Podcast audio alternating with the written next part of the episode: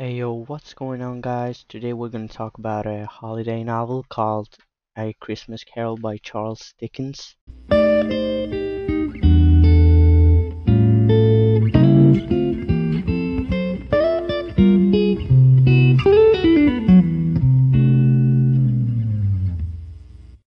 Greetings and welcome to my podcast about the movie, the book, A Christmas Carol. So for this episode, I will be talking about the plot of the story and what could have led to Charles Dickens' inspiration for this Christmas story.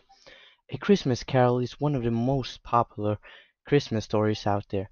The story is basically about a wealthy and snobby elderly man called Scrooge, who has lost his Christmas spirit, calling Christmas humbug and other words. While he walks away with tons of money in his hand, his bookkeeper Bob Cratchit lives very poorly with few days off, earning almost nothing from his job. Some days before Christmas Scrooge was walking home. Then he was met by four ghosts. His former business partner, ja Jacob Marley, the spirit of Christmas present, past, and yet to come. When his spirits visited him, he was being taunted and shown that and shown what all the people surrounding him thought about him. He was even he was even being shown his future tombstone, where it was written, "Truly terrifying, knowing that everybody wanted his death, he realizes that he didn't bring anything to the world and that all he ever was a source of was sorrow and misery."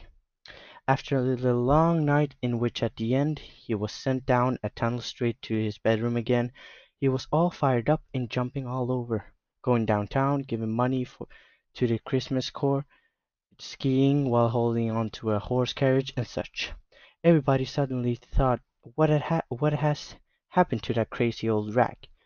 After his resurrection, if you could call that, if you could call it that, he went to the Christmas family gathering, and that was the end of the Christmas Carol. Well, uh, since I have summarized the plot of a Christmas Carol, I will move forward to my next checkpoint. My interpretation of Ebenezer Scrooge and the Christmas Carol is as probably uh, almost as all people who have watched the movie and or read the book is that Ebenezer Scrooge was probably a good man gone bad and gone good again after a while again. This story is original and has since become known all over the world. The main reason why Charles Dickens wrote this book was because he wanted to respond to how British attitudes toward poverty, but mainly to child poverty. Charles Dickens was in debt and at the point of bankruptcy himself. Charles Dickens wanted to write his, this book as a means to, to put forward his arguments against child poverty and poverty in general. I think his inspiration for the characters is kind of a cliche kind of story, where the grumpy, filthy, bad guy becomes a good man and shares all his money, and all the people around him get a better look at him.